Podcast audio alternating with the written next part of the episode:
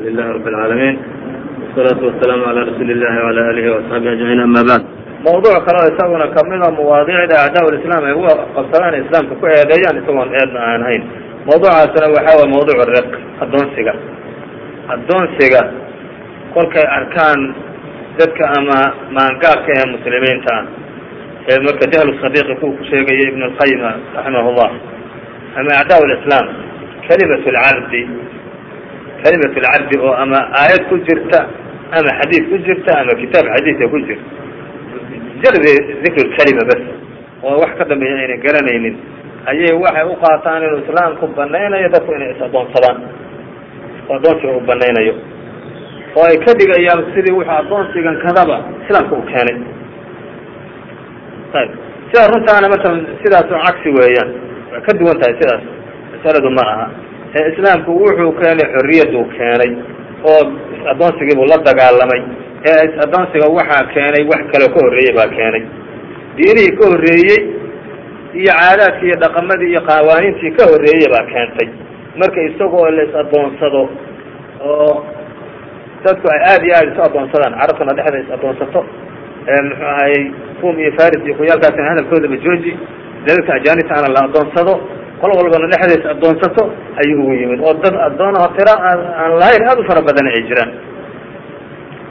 Marka wuxu islaamku keenay ba wax ka horreeyey weeyaan. Taana marka waxa w waxaa jiri jirtay asbaab la isku adoonsado baa jiri jirtay oo ummadihii hore diinihii horena ay ogolaayeen qawaaniintii horena ay ogolaayeen o ay muxuu ahay ay dadku ay amri jireen in lagu addoomiyo. Waxaa ka mid ahaa oo qur'aankana allah subxaana watacaala inoogu sheegay inay diin horena ahayd inoogu sheegay qofka waxada qofka tuugaha waxada. Cuqubooyinka lagu ciqaabi jiray ayaa ka mid ah in addoon laga dhigo. Addoon baa laga dhigi jiray oo qofka wax ka xaday iyo addoon looga dhigi jiray ama dawlada ayaa addoon looga dhigi jiray.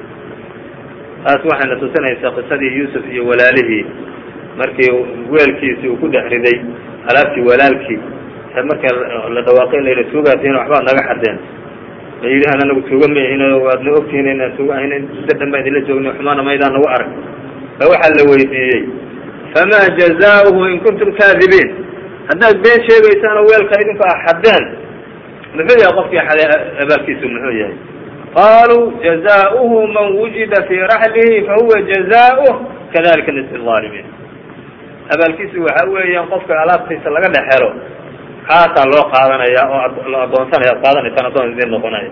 Sidaasaan dadka waxadan anaguna ku abaalmarina marka awlaad lambiya bay ahaayeen iyago inay ambiya ahayn in kale yado ma sugna laakin awlaad lambiya bay abahood baa nebi ah awogood ba awogoodii kale ah nebi ah. Marka waa diinihii hore marka waa inay banaynayeen oo ku ciqaabi jireen dadka jaraa'imta qaarkeed gala in addoon laga dhigo. Qofka daynta lagu leeyahay ee daynta iska bixin waayo isagana addoon baa laga dhigi jiray. Qofka diida askarinimada diida ama dagaalka dagaalka lagu jira ka carara dawladdu addoon bay ka dhigi jirtay.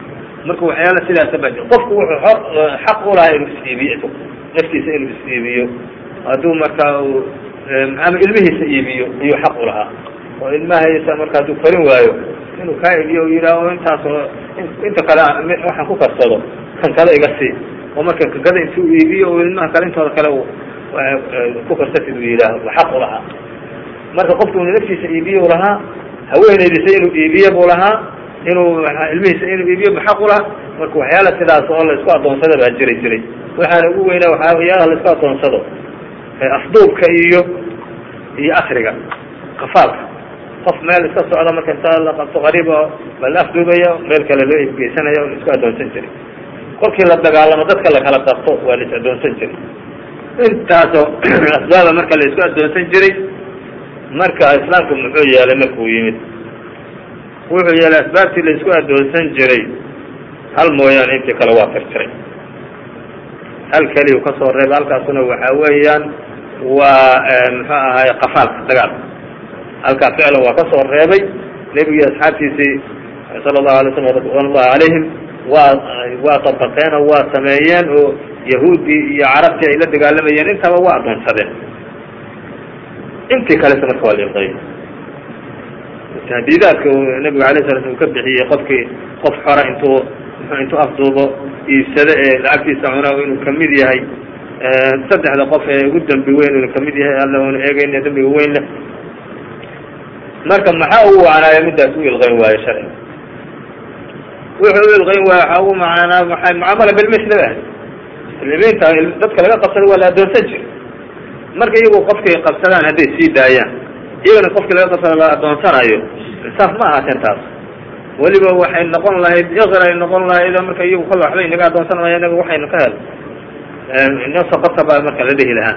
Marka inay sida loola mucaamalanayo nafsa mucaamala iyagana ula mucaamaloodaan baa markaa marka iyaduna marka dadka muslimiinta ahaa xaq ay u yeesheen.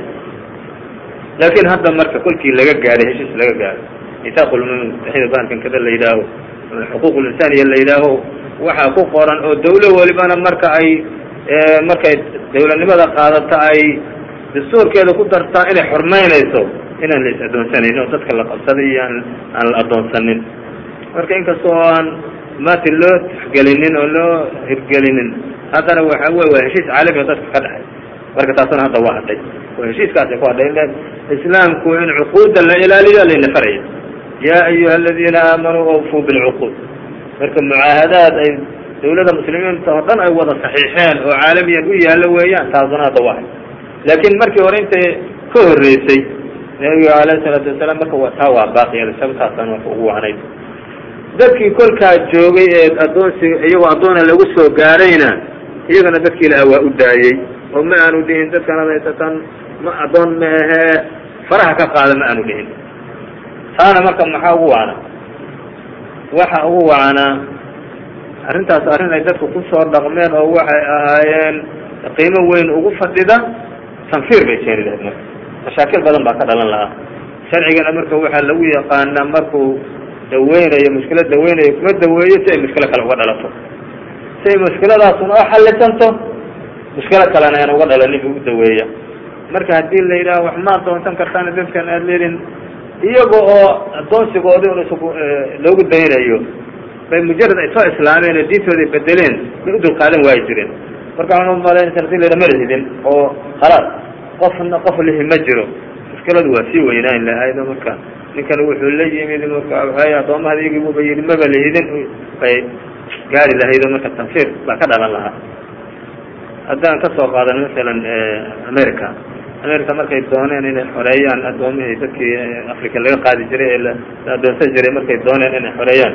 Xarbi ahliyaha ka dhacay wa la yaqaano qofkii taariikhaha akrisa waa yaqaano o madaxweynahoodii inuu ku dhinto marka waxaynu ogaanay asbaabihii la isku gumaysanayay ee sidaas ahaa inuu markuu islaamku u yimid mid mooyaane intii kala wada tirtiray oo wada baabi'iyey midaas oo ahayd midda dagaalka dadka lagu qabtaa sababkiina marka waa kaynu sheegnay.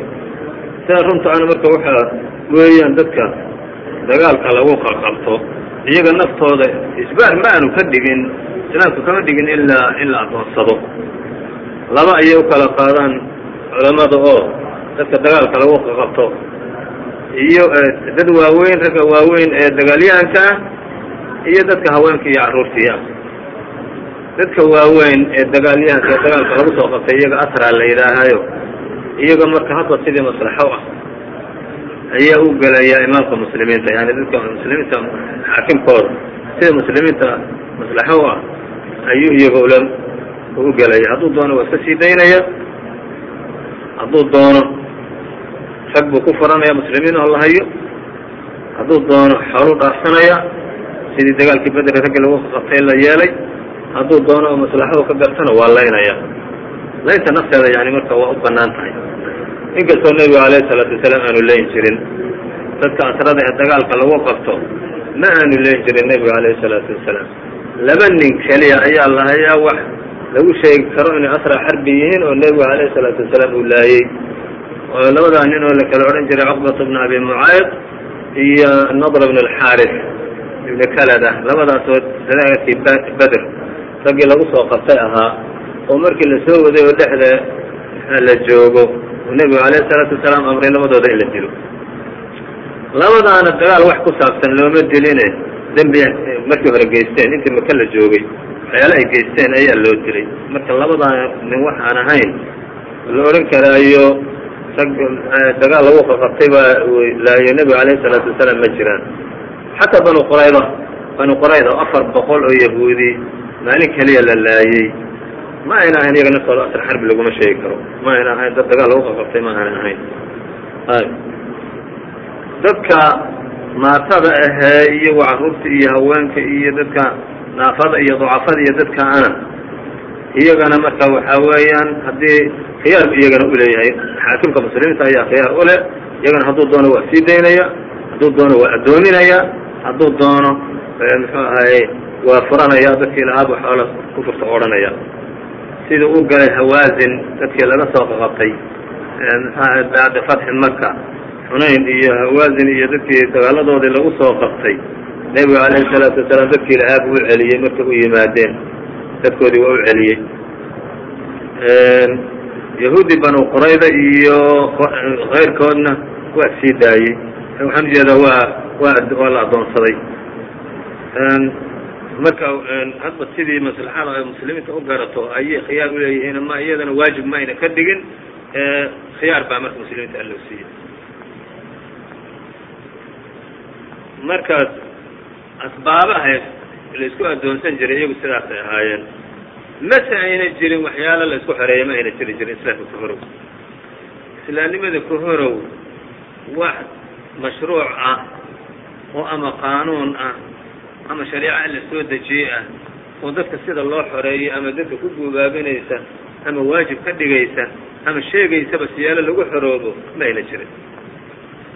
Siduu ninkaasiba wuxuu leeyahay islaamkuna wuxuu la yimid xorriyuu la yimid diinihii hore iyo nudumtii horena waxay la yimaadeen addoonsi bay la yimaadeen. Marka islaamka wax ugu horreeyey dad si loo xoreeyo maba aanu jirin. Markaas sida loo xoreynayo dadkii hore ee dadkii kolkaa loogu yimid ee loogu iyagoo la addoonsanayo loogu yimidna waynu sheegnay waa ku daaya islaamku in sidoodii ay ahaadaan oo dadkii lahaa sidoodiiba ugu daayey ma aanu dhihin. Qof la leeyahay ma jire qof walaba meeshaada ka bax ma aanu dhihin. Sidoodiibana ugu daayey sababka ugu waanaana waa kaynu sheegnay waxa weeya mushkilo ka weyn. Ayuu ka baqaya inay ka dhalato. Caadadana waxa ah sharciga ilaahay. Markii mushkilo uu xallinayo mushkilada kuma xaliyo si ay mushkilo kale uga dhalanayso. Ee wuxuu ku xaliya si iyaduna u baaba-ayso mushkilo kalena ayna uga dhalanin. Marka laba mushkiladood hadday soo gudboonaatana hadba midooda yar buu doortaa laba mushkilo hadday soo gudboonaato hadba midooda yar ayuu doortaa sharci.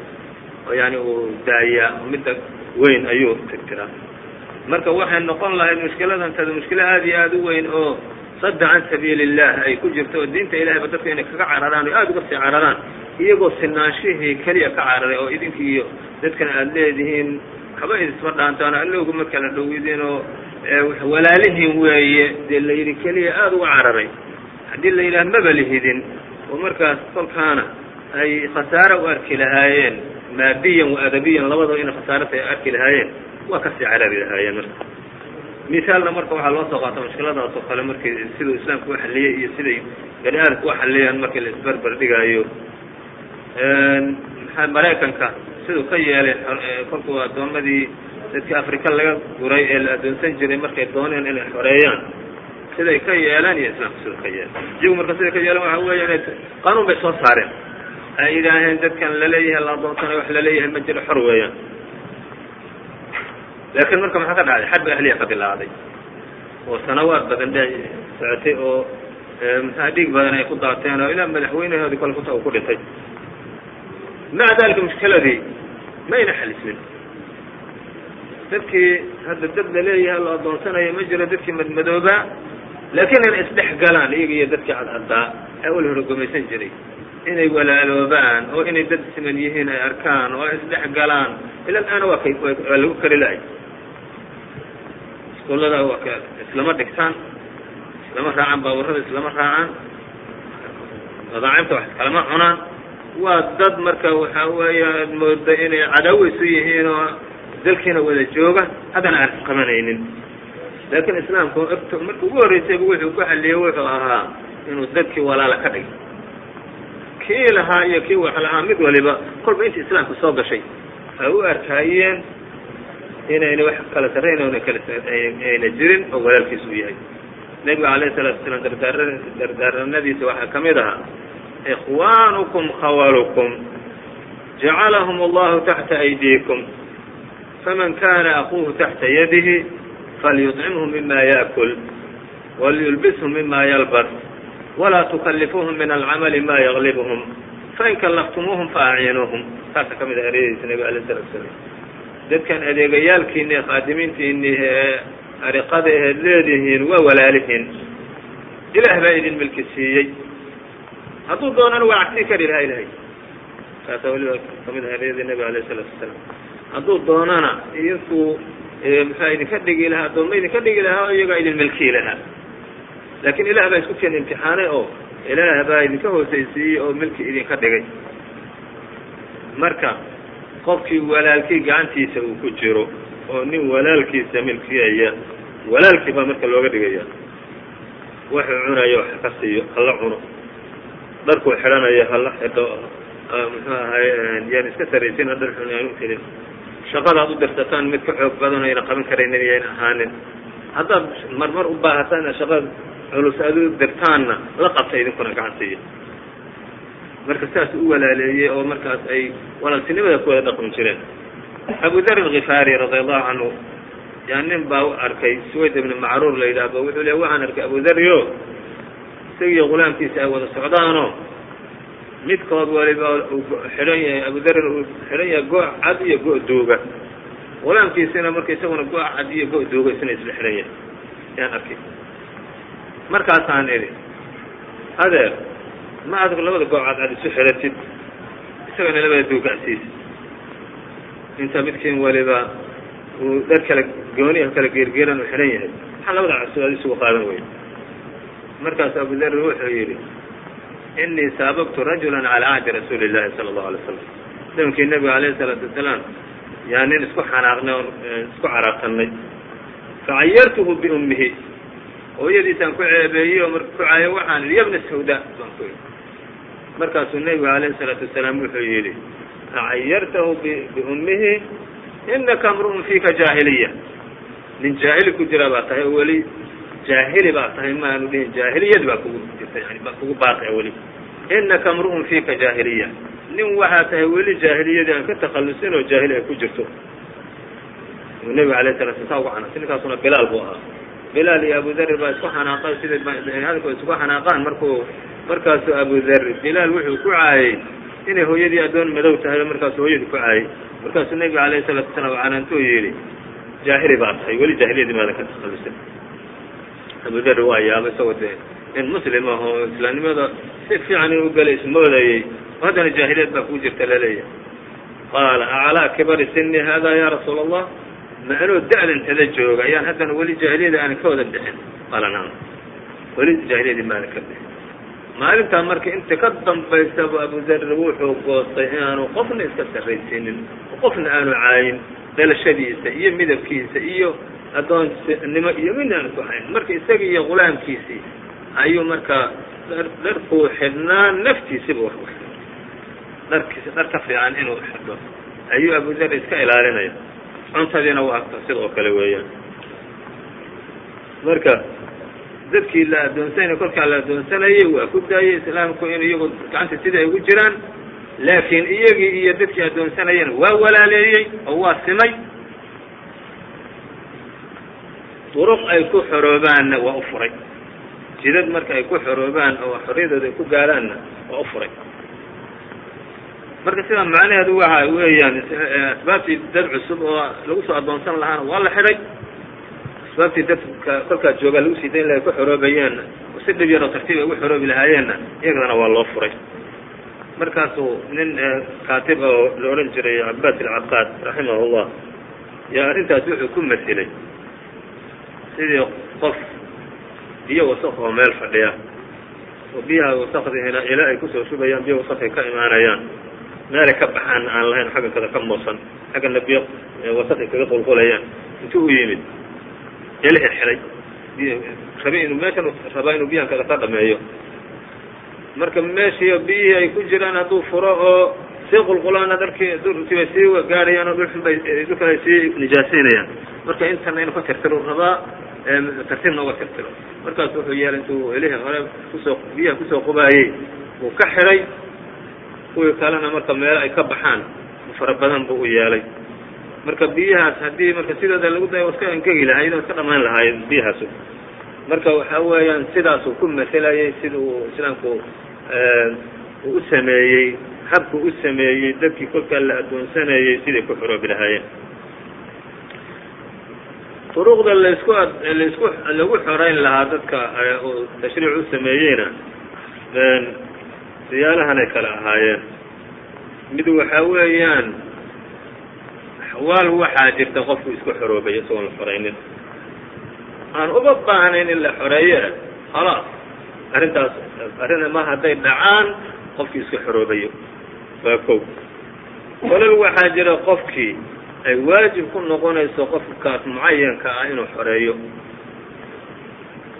Kolal saddexaad waxaa weeyaan waxaa jirta kolal oo qofki inuu xereeyaayo ay waajib ku tahay. An mid mucayana aan loo bacyin inuu xoreeyo ay waajib ku tahay. Ayb.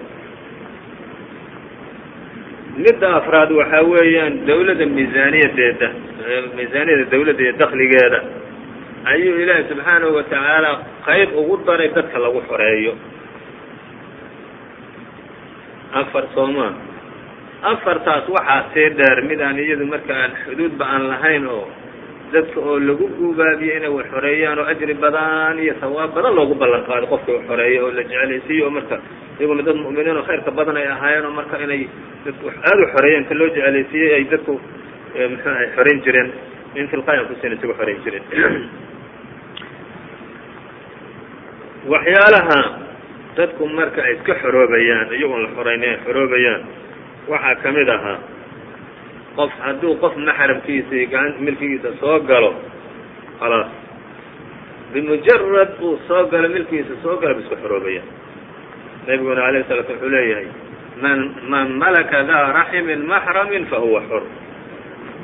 Qof qaraabadiisa oo weliba maxramkiisa waalid ha ahaado ama weladkiisii ha ahaado ama ha ahaado walaalkii ha ahaado ama adeerkii ha ahaado qof uu sidaas oo maxramkiisa kolba hadduu milkigiisa soo galo ama dhaxal ha ku soo galo ama iibsi ha ku soo galo ama hiba ha ku soo galo ama sadaaq loo siiya si unba ha ku soo gale kolba qofkii qof maxramkiisa hadduu milkiisa soo galo khalaas iriduu ka baxaya. Waa ku xoreeyey waxba toona isagoon midda labaad waxaa weeyaan qofkii mamluuga ahaa ee lalahaa ee qofku u addoonsanayay haddii uu ku sameeyo wax jirdila uu ku sameeyo dhaawac weyn u gaarsiiyo isaguna waa xoroobi jiray. Hadduu nabar xun ku dhufto khalaas isaga oo aan qofnaba oon u baahanin inuu xoreeyobu marka isaguna iska xoroobaya siduu nebigu calayhi salaatu wasalaam u galay nin nin addoonkiisii dhufaanay nin baa wuxuu ku soo baxay. Muxuu ahay addoonkiisu u lahay oo addoontiisa oo kale oo jaariyad a dhukanaya. Markaasu intuu ku xanaaqay buu dhufaanay xinihii buu ka tiray nebiga calayhi salaatu wasalaam waa xoreeyey ninkii. Marka sidaas oo kalena xukumay qof alla qofkii nabar culus u geystaa cabdigiisa u geysta inuu xoroobayo haweenayda umuwaladka la yidhaaho umuwalad waxa weeyaan jaariyada. Berigaas laislahaan jiray ee lais addoonsan jiray. Haweenka la leeyahay milkiga ihi waxay ugu banaanaayeen raggooda milkulyamiinkaas ay ugu banaanaayeen inay sida haweenkooda oo kale yani ay ula dhaqmaan oo ka ilmo dhalaan oo lahaanta ay lahaan yihiin keliya ay uga ilmo dhalaan oo iyagoo nikaxan u baahanin sida haweenka nikaxa lagu qabo oo kale looga ilmo dhalo ayaa u banaanayd taasna waxay ahayd mid iyaga dan u ahoo iyagoo xorriyadooda ay ku gaarayaan. Intay adduunka ku nool yihiinna marka raggoodii ay dhaqaalahaas ku qabaan oo marka intii muxuu ahaaye ay rag waayi lahaayeen ama oo laga baqi lahaa marka kolkaa inay waxyaale xun iyo ay ku kacaan raggoodii ay asurayaan lahaa. Hadhowna haddii ninkooda ninkaasu uu dhinto way xoroobi jireen markay haweeney kasta oo jaariyad ah oo ninkii lahaa wax oo ilmaha u dhashay walow dhicisba ha ahaadee mar alla markuu dhinto aybu iska xoroobi jirtay min ra'silmaa iska xoroobaysa. Ayb midda afraadna iyaduna waxaa weeyaan alcitqu bisiraaya wax la yidhaaho yani macnuhu waxaa weeyaan laba qof hadduu addoon ka dhexeeyo isla leeyihiin oo mid qaybtiisii uu xoreeyo kii kalese qaybtiisi aanu xoraynin. Qaybta kalena waa raaci jirtay. Qaybta xoreeyey mooyaane qaybta kalena waa raaci jirta marka waa xoroobaya kolkaas haddii uu qofkan kada qaybta qaybtiisii xoreeyey oo maal uu leeyahay kan kada qayb qiimihiisii uu ugu celiyana isagaa muxuu ahay ku xoroobi jiray oo waajib ay ku ahayd inuu qofkana qiimihiisii u celiyo kana marka welihiisii uu yeesho haddii aanu lahayn maal sidaas aanu lahayn oo aanu qiimihiisii unu u celin karinna intuu qofkii iska xoroobo ayaa isagana la odhanaya hadhow intaasaa lagu leeyaha tartiib ugu soo shaqeeyo markay qofkaas intaa xaqiisa ugud adiguna xor baas afartaas siyoodbaba marka waxa weeyaan waa kayfiyaad. Uuna qofkii u baahanaynin in la xoreeyo oo isagoo marka qofna aanu xoraynin uun iska xorriyada iska qaadanayo. Ayb marka ay waajibka ah noqonayso qofkii inuu qof shaksi mucayana uu xoreeyo. Waxa weeyaan iyadana laba.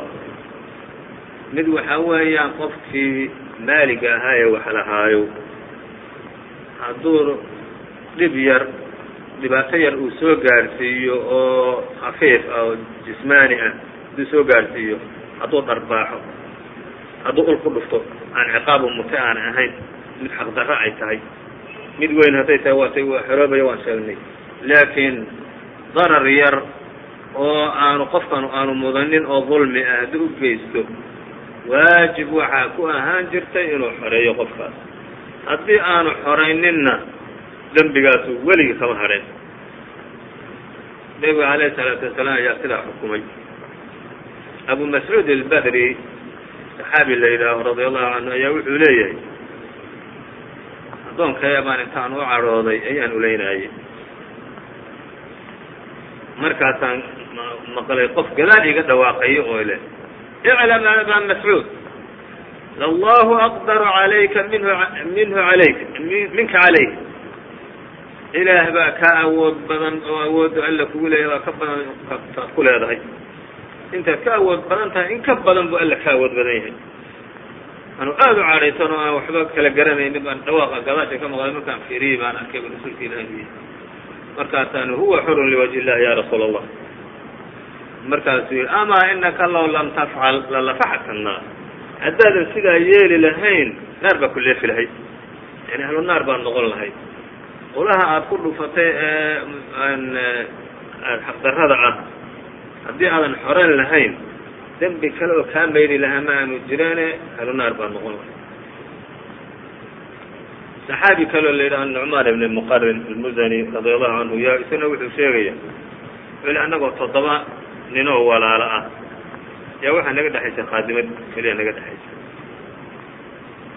kii noogu yaraaba maalin intuu u cadhooday buu dharbaaxay. Wejiguu ka dharbaaxay markaas aan u sheegn ee nebiga alay slam arrintii loo sheegay markaasu aada uga cadhooday uu ku yidhi wejigeeda meelaan ahaynoo dharbaaxda miyaad weyday seed wejiga uga dharbaaxi karta. Yani wejiga bani aadamkana hadda ka horna waa sheegnaan u malaynayaaye xaaraam weeyaan in wax lagu dhufto. Kolkii gaalada xataa lala dagaalamaya in iska ilaaliyaan wejiga laga dhufto waajib weeyaan. Markaasuu nebiga alay slam aada noogu cadhooday oo markaasaan haddaba seen yeella ama seen dembiga iskaga mayri karaa markaasuu nafar inaan xorayno iyagoo oo toddoba ah bay ka dhexaysay oo toddobadoodaas khaadim kale ayna lahayn u baahnaayeen waa xoreeyeen nucmaan ibni muqarin mar dambe oo wiilkiisa isaguna beri dambe uu arkay isagoo sidaas oo kale oo khaadimo u dharbaaxay bu isaguna sidaas oo kale ugu cadhooday uu yidhi nebiga alayhi salaatu wasalaam anagoo sidaasa taasoo kale ay naga dhacdo marka saas noogu canaantay marka waxa weeyaan qofkii sidaas oo kale wax dhibaato yaroo u geysta addoonkiisi uu lahaa haddii uu oo xaqdarro ay tahay oo weliba dararkaas darar khafiifa u yahay dembigaasu iskaga mayri karaayoo kale ma jirto ilaa isagaa inuu xoreeyo mooyaane. Nin baa nebiga alayh salatu slam u yimid wuxu uhi ya rasuula allah ina lii ariqa yakdibuunanii wayaqunuunanii wa ana adribuhum waashtimuhum addoommaan leeyahay oo way ikhyaamaan oo been bay ii sheegaan oo way caasiyaan oo igu madax adag yihiin. Markaas ana dilaa oo aan caayaa oo fa kayfa tara? Markaasu wuxuu yidhi waa laisu qisa laisu qiyaasayaa intay ku khiyaaneen ay ku been sheegeen ay waxaseen iyo ciqaabtaada laisu qiyaasaya. Hadday ka badato khiyaanadooda ay ka badato ciqaabtaada ay ka badato ciqaabtaadu ay yar tahay. Kaana laka calayhim fadl. Adaa dheeraad ku leh adaa xaq ku leh. Hadday isla ekaadaan ciqaabtii aada ciqaabtay iyo iyo dembigooda hadduu isla ekaadana kaana kafaafan laa laka walaa calayk. Isceshanayaan marka ciqaabtaadii iyo dembigoodaba isceshanaya oo adiguna xaq kuma lihid iyaguna xaq kuma leh haddii uu ka bato ciqaabtaadu ay ka badato dembigoodana aakhara lagaga ciqaabaya. Aakharay kaa goosanayaan adigoo marka sidaas ninkiiba ooyey oo intuu gees fadhiisto dhabanada qabsaday buu ooyey wallahi ya rasuula allah ma ajidu khayra lii walahum ilaa an uctiqahum. Markaas waa xoreeyey ninki marka nebiga alayh salaatu wasalaam wuxuu u sheegay hadduu dembigaas intii u marka intii uu ciqaabay inaan intay muteen inaan hayn hadduu ku ridi lahaa inuu dembigaasi marka aanu qofkaas aanu ka hadheen oo marka uu qofka aakhire lagaga jazayn lahaa. Marka dembiga noocaas oo kale marka waxaan tirtiraya in qofkii isaga ahaa la xoreeyo. Ku kaloo la xoreeyo ma ridayo isagii naftiisa in la xoreeya marka kolka waajib noqonay ka labaad waxa weeyaan kitaabada. Waxaa jirta waxa la yidhaaho kitaaba la yidhaha baa jiro macnaheedu waxaa weeyaan qofkii mamluuga ah ee lalahaayo hadduu codsado in maal lagu xoreeyo. Isagu yidhaaho waxaan rabaa inaan kaa xoroobaan rabaayo maal igula heshiy aan kuu soo shaqeeyo aan kuu keeno. Qasab waxaa ku ah waajib ku ah inuu ka aqbalo inuu ka aqbalaba waajib. Ku ah muslimiintana waxaa waajib ku ah inay caawiyaan. Allana subxaanahu watacaala wuxuu ugu ballan qaaday inuu caawinayo. Intuu taageero haysta fiiri marka qofkaas sida loogu shajacayo loo caawinayo. Ilaa alle iyo muslimiinta taageeradoodii buu haystaa qofkii lahaa ee maaligiisa ahaana waxaa waajib ku ah oo hadduu diida lagu qasbaayo inuu ka aqbalo. Qofkaas cardiga ah u soo jeediyey marka qof kasta oo naftiisa ka dareemo inuu xoriyad rabo waxaa ku filaan lahaa inuu qofka ilaah u yimaado oo yidhaaho waan xoriyad baan rabaaye xoole igula heshiy ana ku dulmi maayo xoolahagi baad igu iibsatay mxuha aniguna ma rabo inaan dulligan iyo addoonnimadan ku jiro ee marka xoole igula heshiy kolba hadduu sidaa u soo jeediyo marka inuu aqbala waajibka.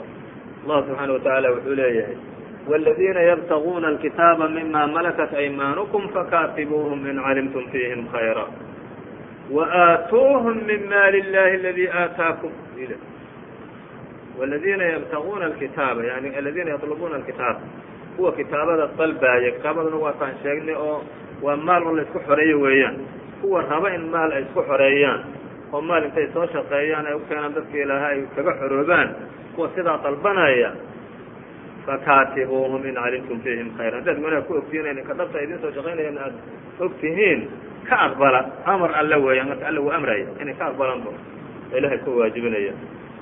Markaasu haddana weliba wuxuu ku sii daray waaatuuhum min maali illahi aladi aataakum.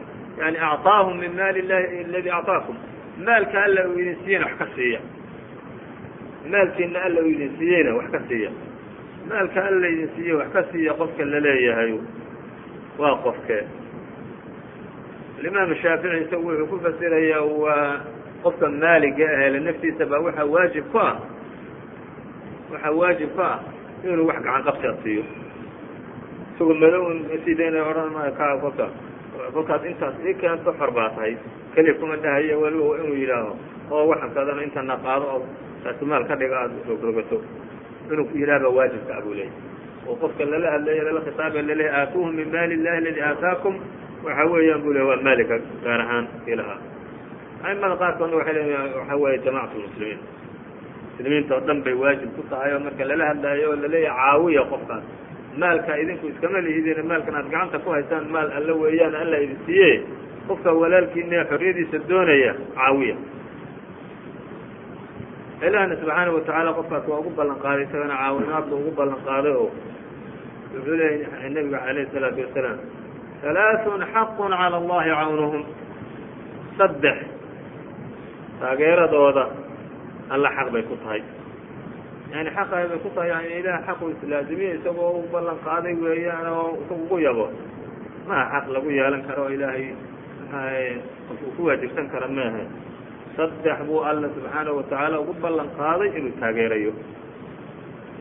Saddexdee waxaa weeyaan algaazi fi sabiili illah qofka dagaal aadaya dar ilaah u aadaya ee gaalada la dagaalamaya alla inuu caawiyo ugu ballan qaado wاnnaakixu aladi yuriidu alcafaaf qofka guursanaya ee raba inuu zinada iyo xaramta kaga kaga dheeraadona dabcna ilaahay baa ugu ballan qaaday inuu inuu taageerayo. Allaba subxaana watacaala suurad kale wuxuu ku leeyahay walyastacfif aladiina laa yajiduuna nikaaxan xataa yugniyahum allahu min fadlih ha is ilaaliyana xaaraamta iska ilaaliyeen dadka raba inay guursadaan alle kuwaan helaynin waxay ku guursadaan ee maal aan haysanin. Taageeradaas buucdu allana uga haystaa alla ugu ballan qaaday. Qofka gaalada la soo dagaalamaya taageero allo haysta ilaah baa uga ballan qaaday qofka guursanaya dinaad iska dhowsatid ilaah baa ugu ballan qaaday inuu taageerayo u dhib yaraynayo wuxuu ku guursado u dhib yaraynayo qofka oraynaya ee mukaatabka ah marka kii saddexaad weeyaan almukaatab aladi yuriidu adaa maaka khiyaano ku socda maaha qofka mukaatabka ah ee kitaabeynaya ee raba qofka ilaah inuu la heshiiyo inuu muxuu ahay xoolo kula heshiiyo xoolahaasna aada u soo shaqaysa ay ka dhab tahay. Kaana alla taageerayo alla u dhib yaraynayo wuxuu iskaga bixiyo marka taageeradaas allana ka haystaa muslimiintana uu ka haystaa u amray allah subxaana watacaala uu amray nabiga alay sala u amray. Ama ilah baa nafs alqur'aan ku amray inay taageeraan maxay qofkii haysan jirayna isaasi waajib u tahay isaga inuu ka aqbalo marka muslimiintu markay muslimiin wanaagsan ay ahayn arrintaas aad iyo aad ba ufulin jireenoo markay arkaan qof xoriyadiisa rabo oo taageero weydiisanaya waa sin jireen aad bu taageeri jireen bariira sida caaisha ku horeysay iyo masaladeedana marka iyadana masale aad mashhuur oo la yaqaano bariira oo jaariyad la yidhaaho oo sagaal uuqeedoo lagu xoreeyey oo la yidhi sagaal sanadood sagaal sanadood sanadkiiba uuqeed noo soo shartay uuqeed waa afartan dirham. Afartan dirham baa uuqeed loo dhihi jiray. Ee u timid caaisha u timid oo taageero weydiisanaysa. Caaisha waxay muddadaa dheer ina u soo gaabisay doontay oo markaasu waxay tiri hadday rabaan anaaba haddaba u tirinayo sagaalkii uqeedood u siinayo intaan haddaan horeynay sidii bayna noqotay. Usoo dhib yaraysay sagaal sana wixii ku qaadan lahayd saacado dhexdeeda ugu dhamaysay umulmuminiin radi allahu canha zamani cumar ibn alkhataab radi allahu canhu markii amiir lmu'miniin ayaa waxaa dhacday nin siriin la odhan jiray oo farisi ahaa anas ibni malig addoon u ahaa ba anas ibni malig yidhi kitaabe yani xoole igu leesiin ku soo shaqeey markaasu anas diiday cumar buu ku dacweeyey cumar marka waa ku dirtay waa ku dirtay oo buu kaga fuliyey marka ninkiina marka waa xoroobay oo ninkaas wuxuu nin nin rabuba ahaayo marka wuxuu ahaa wiilashiisii iyo gabdhihiisii iyo kulligood waxay noqdeen dad culamo ahoo ahlulxadiid oo la yaqaano laba gabdhood iyo afar wiil buu lahay oo kulligood culamaa ulxadiid ayay ka mid ahaayeen. Ugu weynaa maxamed ibn sirinka mashhuur ah. Ayb.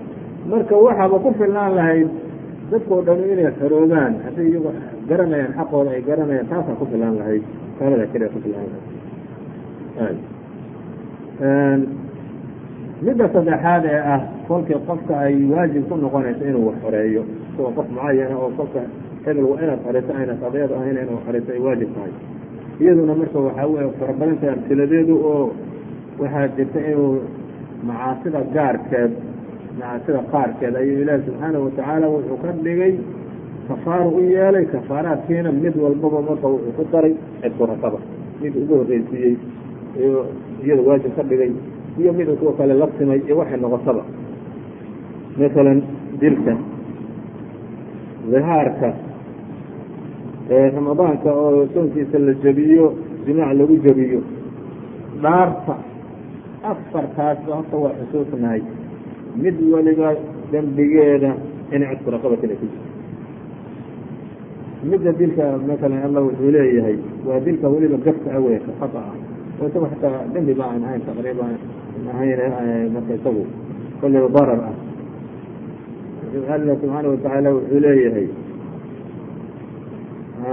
wma kana limuؤmini an yaqtula muؤmina ila khaطأa wman qatla muؤmina khaطأa fataxriiru raqabaة muؤminaة wadiyaة muslamaة ilى ahlihi ila an yصdquu qof mu'minahe qof mu'mina inuu dilo ila gaf inay tahay mooyaane. Yani cabdi hadduu dilo isaga waa khuluud fi naar bu alla ku sheegayba naartu ku waaraya marka qof muslimahe qofka muslimkaa inuu si gaf ah inuu dilo mooyaane cadaan iyo bereed inuu dilo ma hadduu gofku dilana waxaa ku waajibaya labaa ku waajibaya. Mid waxaa weeye inuu mag bixiyo dadkii lahaa uu mag siiyo. Magtaan isa weliba ma bixinayo waxaad bixinaysa cashiiradiisaa bixinaysa caaqiladaa bixinaysa marka isaga waxaa ku waajibaya kafaara ku waajibaya taana marka waxay ku fasiraan culimadeenu labadaa xaq xaqna usradii qofka laga dilay baa le xaqna dadweynihii muslimiintaa leh oo labada mid walbaba darar baa loo geysta marka mid walbaba dararkiisa ama waxay yidhahaan xaq ilaahay iyo xaq caamana waa yidhaahaan xaq caamat lmuslimiina waa yidhahaan xaq allena waa yidhaahan iyo xaq bani aadam. Labadana waa u kala qaadaan. Marka waxaa weeyaan xaqii bani aadamka usrada khaaska iyaga waxay xaq u yeeshaan in kacwada la siiyo. Allana subxaana watacaala qof naf uu abuuray naf uu geliyey qof uu naf geliyey ba qofkanu sabab ugu noqday inuu gacantiisa nafsi ay kaga baxdo. Marka isagana marka in allana inuu cibaado khaasa marka isagana u guto ayuu ilaahay ku waajibiyey. Markaas maxaa ugu horreeya kafaaradii la bixin lahaa waxaa ugu horreeya taxriir raqab marka kolkuu waayaba marka laba bilood soonkood iyo lixdan qof tasiintood iyo kolkaas uu haddana ka dooranaya mooyaane. Shayga ugu horeeyaayo waxaa weeyaan inuu xoreeyo. Marka halkaas dhan waxaa ka muuqata addoonnimadu inay geerida la simanta la qofkii qof dilay aa inuu isaguna qof muxuu inu qof nooleeyo mooyaane dembigiiaan iska mayri karaynin qofkuu nooleynaya marka qofkuu naf gelinaya ma jiro qofkuu nooleynaya naf isagoo gelinaya ma jiro marka. Qofkuu dulliga ka bixiyo. Qofkuu dulliga dulilcubuudiya uu ka bixiyo ayaa marka waxay la siman tahay. Qof muxuu ahay nafgeliyo oo kale bay la siman tahay. Taasaa udhigmaysa marka dararkii uu geystay ee mujtamaca muslimiinta u geystay. Qofkuu ka bixiyey qofna inuu ku soo daro. Marka qofkii lagu soo darayaayo waa inuu marka qof dulliga uu ka bixiyo. Qof dullaysana dulliga ka bixiyo dihaarka isaguna waa sida oo kale oo dihaarna waxaa la yidhaahaa inuu qofku ku haweenaydiisa uu kala mid dhigo haweeney maxramkiisa ah. Waxa lafdigay ku dhawaaqi jireen carabtuna waxa ahayd inuu ninku haweenaysa ku yidhaha anta calaya ka dahri ummi hooyada dhabarkeeda adigala mid tahay yani ku dhawaan siaan habartay ugu dhawaaneyn maa ninka ugu dhawaanaynin marka hooye habartay baad iga tahay walaashay baad igala mid tahay gabadhaydoo kaleeto eedaday haweene un maxramkiisa haddii uu ku shabaho dihaar baa la yidhaahayo lafdigaas. Waxau waajibinayaa waa lafdi gaf-a weeyaan oo khata oo yani macsiyo ah oo aada u weyn waxaa weeya kafaarana marka waa leeyahay.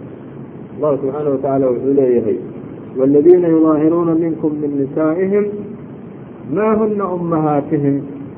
In ummahaatuhum ila allaa'i waladnahum wainahum layaquuluuna munkara min alqowli wazuura waina allaha lacafuwun gafuur wاladiina yudaahiruuna min nisaa'ihim uma yacuuduuna lima qaaluu fataxriiru raqabati min qabli an yatamaasa taas marka iyadan ugu horreysiiyey l kuwa haweenkooda ka lihaarsamaya oo hooyadii baad igala mid tahay ay ku dhahaya waxay ku hadleen aladiina yudaahiruuna minkum min nisaa'ihim maa huna umaat hooyooyinkood ma aha haweenkooda hooyooyinkood ma aha hooyadeeda igala mid tahay uu leeyahay inahum layaquuluuna munkara min alqowli wazuuran. Hadal xun iyo iyo been ayay ku hadlaayaan. Hadalka ay ku hadleen waxa hadal munkara yani macsiyo ah oo been ah. Naagtiisa u banaanayd hooyadiisa xaaraantayd oo kale isagala mid dhiga waa hadal xun oo been ah. Waina allaha lacafuwun gafuur ilahay waa cafis badan yahi oo dambi dhaaf badan yaha markaas dambi dhaafka wuxuu u furay arrintaas si uu kaga hagaajiyo u furay markaas wuxuu yudaahiruuna minkum min nisaa'ihim waladiina yudaahiruuna min nisaa'ihim uma yacuuduuna lima qaaluu haddana ku noqonayo waxay yidhaaheen ee haweenkoodii hooyadii baad igalamidta ay yidhaaheen aan iska sii daynina haysta. Waxaa ku waajibaya taxriiru raqabatin min qabli an yatamaasa inaa intaanu haweenaydii mar dambe aanu u dhowaanin bay ka noqonaysa haweenaydi ilaa uu kafaaradaa gutana uma xalaaloobaysa intaanu ahaaba nin haweeneydaas haweennimo aanu ula mucaamaloonin inuu qof fareeyo qof hadduu waayo marka iyadana bedelkeedii isagana alla subxaana watacaala u dhigeeray u sameeyey laakiin wuxuu waajib kaga dhigay intaan haweeneyda ku dhawaanin oo wax xoreeyo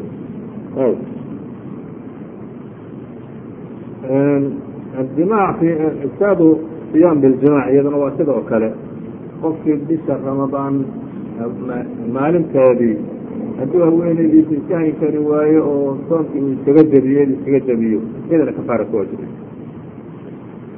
abu hurayra radi allahu canhu wuxuu sheegaya nebiga alayh salatu slam ninka baadiyaba u yimid oo cabaadayo oo ooyayo oo timaha iska rifaaya.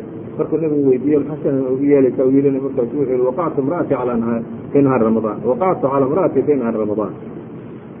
Haweeneydeedii baan maalin ramadaan iyada oo tahay baan iska hayn kari waayo oo aan aan la kulmin. Markaasu nebiga alayhi salaatu wasalaam wuxuu ku yidhi hal tajidu maa tuctiqu bihi raqaba?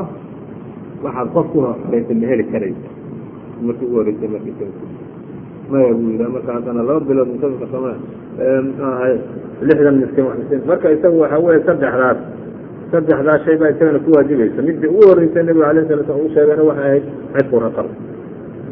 Ayb afraadna waxa weeyaan waa ah, waa dhaarta dhaarta qofku markuu dhaarto wixii ku dhaartay haddii uu jebiyo iyadana waxaa ku waajibaysa kafaara ku waajibaysa.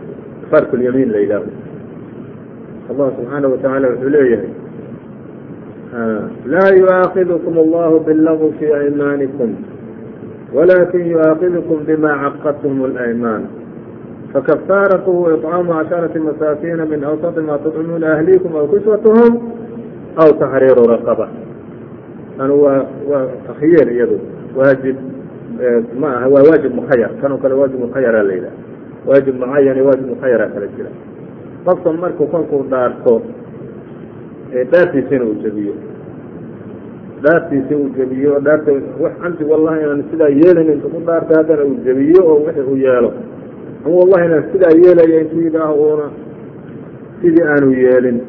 Xinsi baa la yidhaha taas oo kale dhaartiisii hadduu sidaa xinsi ugu sameeyo kafaaraysna ku waajibaysa kafaaradaasna marka laba heer bay leedahay oo erka hore. Wuxuu kala dooranayaa saddex shay buu kala dooranaya iطcaamu casharati masaakiina min awsati ma tudcimuuna ahliikum. Aw kiswatuhum aw taxriiru raqaba. Saddexdaasu kala dooranaya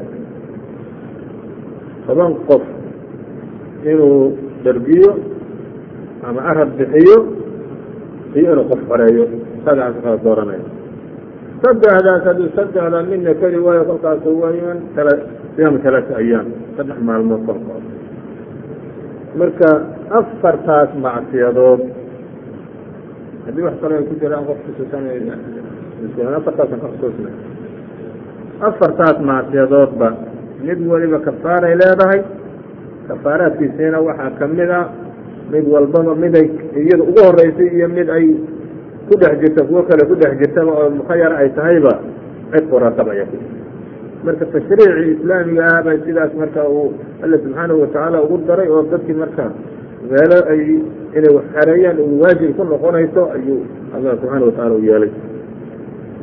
Midii dawlada xaggeeda ahayd waa la og yahay oo marka dakliga dawladda islaamiga ah.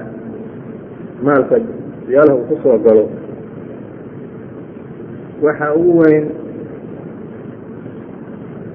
dhowr siyood bay leedahay meelahay dakliga muxuaha alla uu sheegay ay ka soo gelayeen dawladda islaamka dakliga ka soo gelaya taana waxaa ugu weyn zakada hadda waxaa dawladaha caalamka ahee nidaamka gaalaadka iyo waxyaalahaas ku dhaqma dariibada ugu weyn cashuurta ugu weyn waxa dakliga ka soo ka soo galo marka taa iyada meesheedi waxa waxaa taagan zakada cashuurtankada iyo dadka lagu dhiga iyo zakadii alla ku waajibiyey baa ka khayr badnaan lahayd oo ka ficnaan lahayd.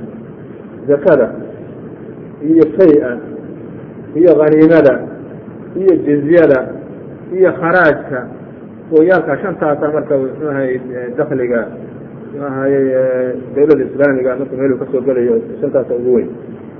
Marka zakadana shantooda ugu weyn zakadu marka masaarif bay leedahay lagu bixiyo masaariftaas sideed ah waxaa kamid a muxuu ahaye riqaab inama asadaqaatu lilfuqaraaءi wاlmasaakiin wاlcaamiliina calayha wاlmu'alafati quluubuhum wafi الriqaab wاlghaarimiin wafii sabiili الlah wabni الsabiil sideedaasa marka zakada lagu bixiyo. Sideeddii marka waxaa ka mid ah riqaab. Riqaabna marka waxaa laga wadaa an cidku riqaab dadka oo la xoreeyo. Marka zakadii maalka zakada ee dawladda islaamiga soo gala inta sideed meelood loo qaybiyo meel kamida meel kamida in dad inta lagu iibiyo lagu xoreeyo. Taasuu waajib ka dhigaya xataa meelaha kale masaarifta sideedda anwaacdaa kale kii la waayo qaybteedii la waayo. Yani dad dayn lagu leeyahay in laga bixiyo haddii la waayo. Ama mxuaha dad masaakiin wax la siiyo la waayo. Baa waxaa marka waajib ah in lagu daro xagga mxuaha cidku raqabad in lagu daro. Waxayna dhacday zamanki cumar ibn cabdilcaziz radi allahu canhu cumar ibn cabdilcaziz muddo yar oo hayey dawlada islaamka uu hayay oo si fiican u maamulay ayaa waxaa dhacday in wax miskiin oo zakadii la siiyo la waayo wax miskiin oo zakadii qaataba la waayo markaasaa waa loo soo diray markaasaa waxaa layidhi qof wax masaakiin oo siino masiirkii masaakiintu ay lahayd ma hayno markaasuu yihi dadka dayn kale ka bixiya dadkiiba marka lagu naadiye waa qof alla qofkii dayn lagu leeyahay imow. Baytulmaalka imow qismu zakaat imow ha lagaa siiyo. Dadkiiba marka wixii yimaadaba la siiya la siiya la siiya waa dhamaadeen iyaguna maalkiina weli waa baas. Warqada cumar ibn cabdilaziz lagu celiyo waxa li dadkii daynta lagu lahaa dhan dayntii waan ka gudnay. Maalkiina qaybtii maxaa fuqarada iyo masaakiinta sidiiba u dhooban yihiin maalki waa yaalla. Markaasu wuxuu yihi suuqa isagoo dadka addoomaha iibiyo xore addooma intaad ku soo iibisa dadka la leeyahay la adoonsanayo xore marka waxa weeyaan miisaaniyadiiba qayb loogu daray marka dadka lagu xoreeyo. Sida qayb jihaadka lagu galo fii sabiili illah sida qayb loogu siiyey in gaalada lagula dagaalamo qayb loogu daray oo dadka maxaa dacwada dadka lagu soo jiidayo la soo dhaweynayo mualafata quluubta la qayb loogu daray ayaa kuwan kadan marka iyagana qayb loogu daray. Oo zakadiiba waxaa laga siiyey oo muxuu ahaye iyo dakliga dawladda islaamka meesha ugu weyneyd ah ayaa qayb iyagana laga siiyey.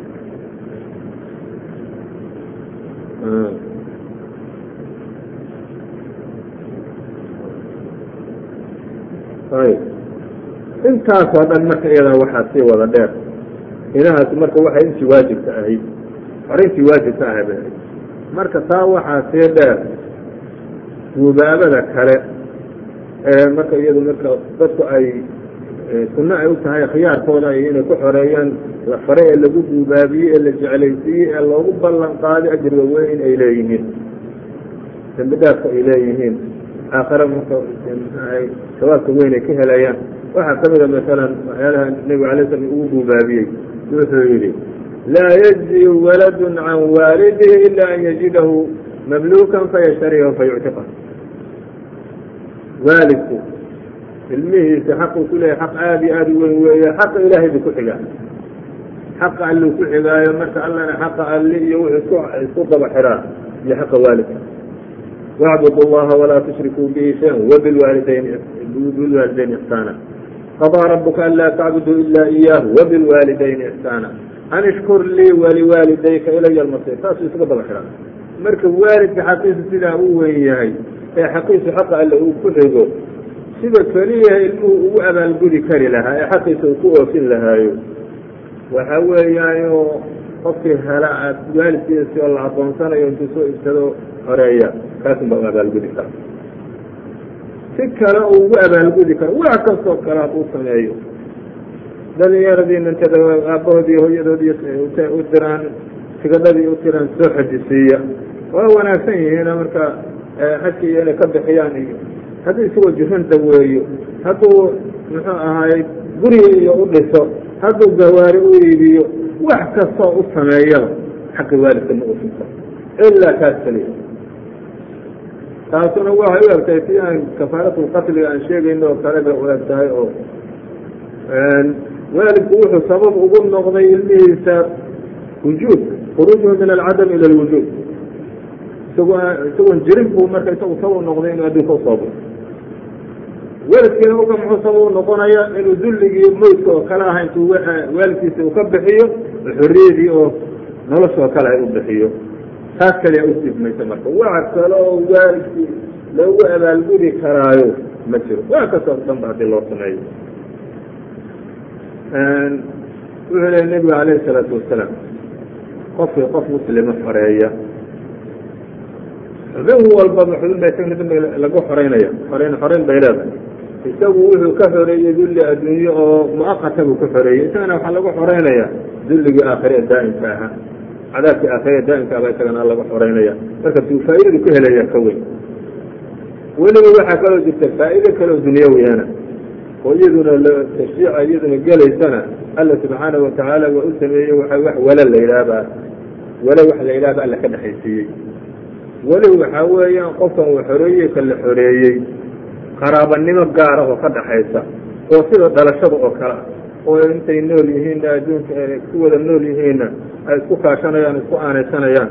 Hadduu midkood dhintana isku dhexlaya sida qaraabanimo la isugu dhexlaya marka waxaa taasuna waxa wey waxay ka dhigantahay sida qofkii la leeyahay meel kaa tegi maayo qofkan kadu meelkiisa waxaa suurooda inaad dhaxashaba iska suurooda intaad nooshahayna marka waa waa istaageersanaysaano waa kuwada intifacaysaano walaal oo kale ku noqonaya. Nabigu alayh salaa wuxuu leeyahy alwalaau luxmatun ka luxmati nasab. Laa yubaac walaa yuhab waluhu waa qaraabadanimada ka dhalanaysa qofka xoreeye iyo qofka la xoreeye ka dhalanayse waa xiriir oo dhalashada oo kale. Walaalka oo kale noqonaya. Walaalkaasi uu kuu dhexlaya ad u dhexlaysaa oo sina uu kuu dhexlaya haddaad dhimato walaaltinimada lama iibin karo. Qof ma odhan karaysa hebel walaalnimadiisan ma rabe adigan ku siiye adigu walaalka ha noqdo. Ma odhan karaysa walaalkan weligaa wey si kuula dhashay iskama reebi karaysa ma odhan karaysa aan iga iibso ninkan kan walaaltinimadan kule adigu walaalka ha noqde iga iibso. Ma odhan karaysa weligana waa sidaas oo kale.